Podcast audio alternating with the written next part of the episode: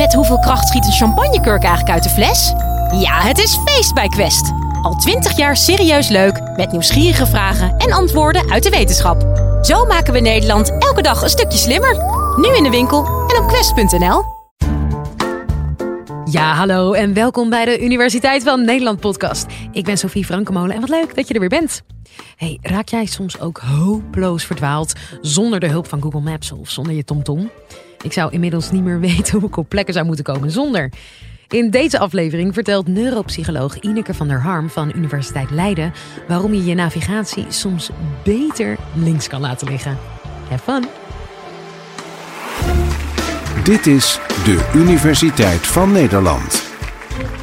Het gebruik van GPS is niet meer weg te denken uit ons leven. Niet alleen in de auto, maar ook lopend en op de fiets gebruiken we dit hulpmiddel steeds vaker als we op pad gaan. Maar hoe deden we dat vroeger ook alweer? In de auto naar Italië met zo'n enorme papieren kaart. Nou, zie daar maar eens op te vinden waar je nou precies bent. En of je nou die goede afrit te pakken hebt of niet. En dan hebben we het nog niet eens over het opvouwen van zo'n onding. Nou, ik ben toch wel erg blij dat ik GPS kan gebruiken. Ik zou niet meer zonder kunnen. Maar ja, zo'n ding kan ook eens kuren krijgen of je telefoon raakt leeg onderweg. Wat doe je dan om toch op je bestemming aan te komen? Kortom, kunnen we nog wel zonder die GPS? En zo niet? Hoe erg is dat eigenlijk? En wat doet het met je ruimtelijk geheugen als je zoveel op je GPS vertrouwt?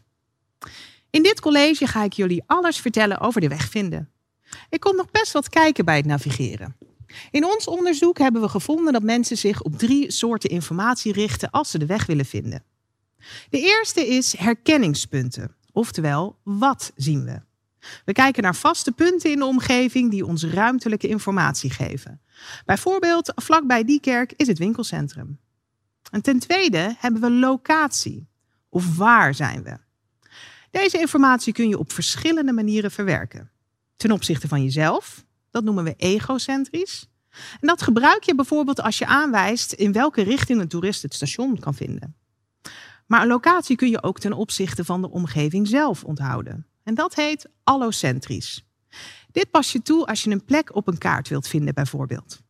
En de laatste soort informatie gaat over paden. Hoe kom ik ergens? En ook hier zijn twee verschillende manieren voor. Als je uitgaat van je eigen perspectief, kun je routes onthouden. Ik ga eerst links en dan de tweede rechts en dan kom ik er. En als je de omgeving als referentiepunt gebruikt, hebben we het hier over een mentale plattegrond van de omgeving. Bijvoorbeeld, het station is ten noorden van het centrum. Zo'n mentale plattegrond is een essentieel onderdeel van ons navigatievermogen. Vrijwel iedereen maakt deze plattegronden ongemerkt als je een ruimte binnenkomt. Het kan sterk variëren hoe gedetailleerd en nauwkeurig zo'n plattegrond is. Uh, ik kom bijvoorbeeld graag in de Efteling en ik weet dat als je daar bij de ingang binnenkomt, dan heb je eerst dat water en dan daarachter de Fata Morgana. En dan zo hier vind je het Sprookjesbos en helemaal achterin kom je de Python tegen. En misschien ben je er zelf ook wel eens geweest en herken je dit. Kijk, het is natuurlijk geen precieze bouwkundige tekening, maar ongeveer klopt het wel. Bruikbaar dus.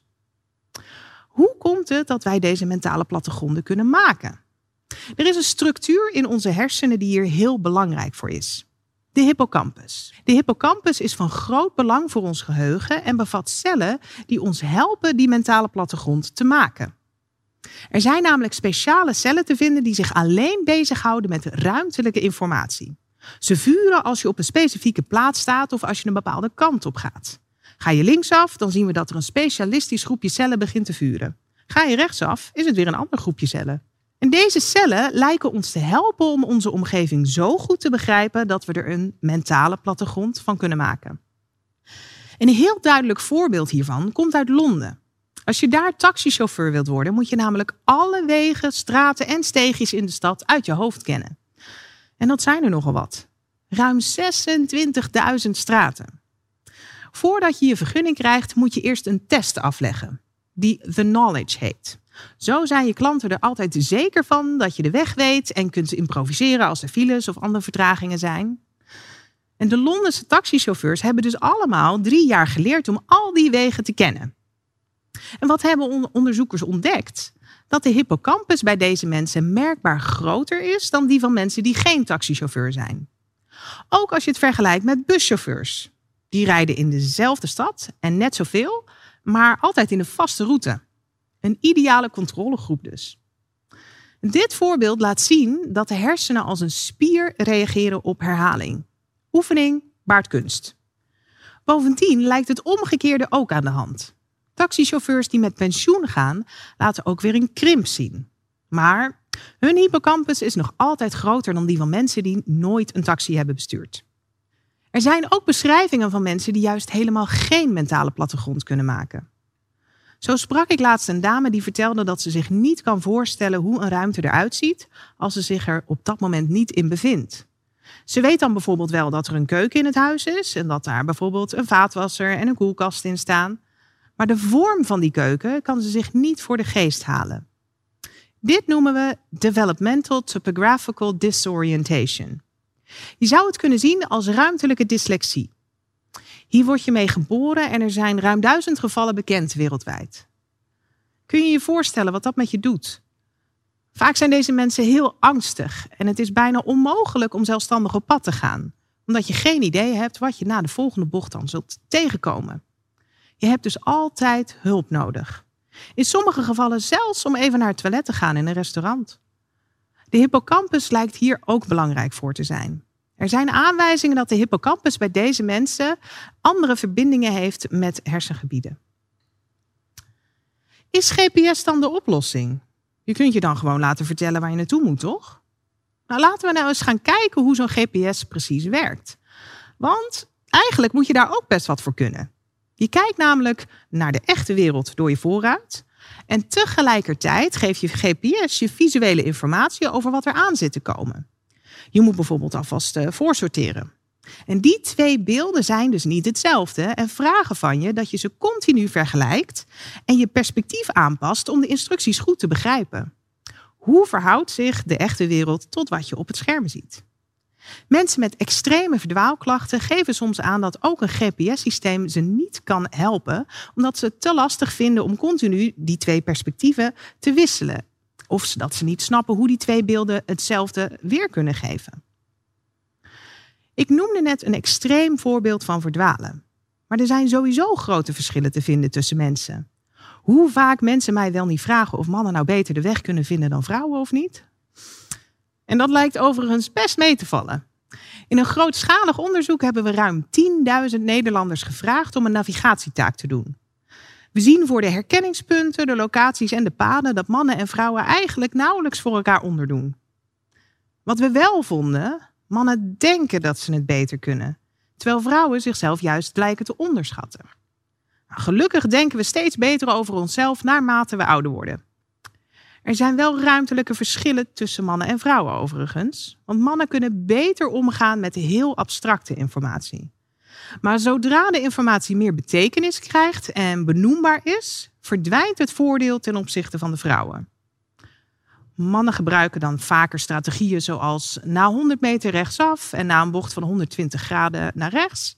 En vrouwen zeggen vaker links bij de bibliotheek en dan rechtsaf bij die hoge flat daar.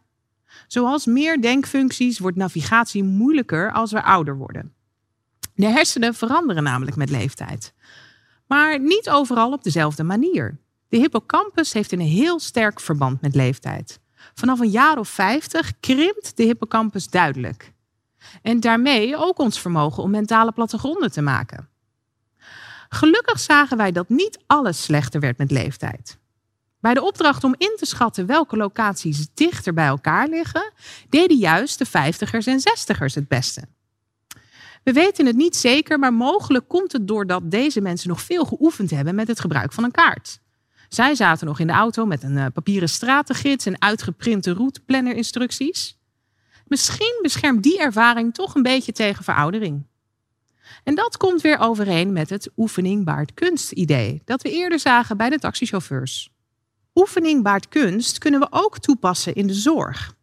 Het komt namelijk vaak voor dat mensen na een hersenbeschadiging moeite hebben om de weg te vinden.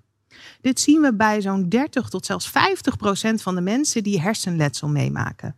Bijvoorbeeld na een verkeersongeluk of een beroerte. En zoals gezegd kan de impact hiervan groot zijn. Even een boodschapje doen of bij iemand langsgaan voor een kopje koffie worden hele complexe activiteiten.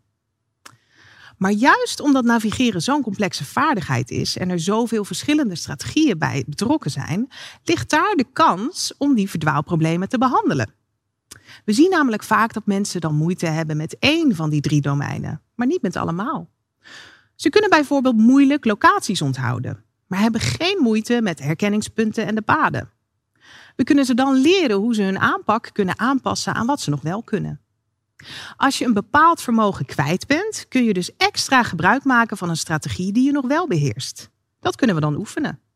We hebben een serious game gemaakt, een digitale oefening vormgegeven als spel. Hiermee kunnen mensen gepersonaliseerde oefeningen doen om beter de weg te vinden. Terugkomend op onze vraag: word je nou dom van de TomTom? Al met al denk ik dat het antwoord hierop best geruststellend kan zijn. De GPS helpt ons namelijk in een steeds complexere wereld waarin we ook steeds mobieler worden. En misschien dat onze hippocampus daardoor iets minder intensief bezig is met het maken van mentale plattegronden. Maar er is nog altijd genoeg te doen voor deze hersenstructuur. De sterke krimp is gelukkig niet zo waarschijnlijk. Dus geen zorgen. Je kunt de GPS zeker blijven gebruiken. Maar daag jezelf ook eens uit. Zet af en toe je GPS uit en kijk eens of je mentale plattegrond je ook op weg wil helpen. Dankjewel voor je aandacht. Dat was Ineke van der Harm. Heb jij nou ook een vraag die je graag beantwoord wil hebben in deze podcast? Laat dan een voiceberichtje achter op Vriend van de Show. En wie weet hoor je het antwoord binnenkort in deze podcast hier bij mij. De link vind je in de beschrijving. Tot de volgende.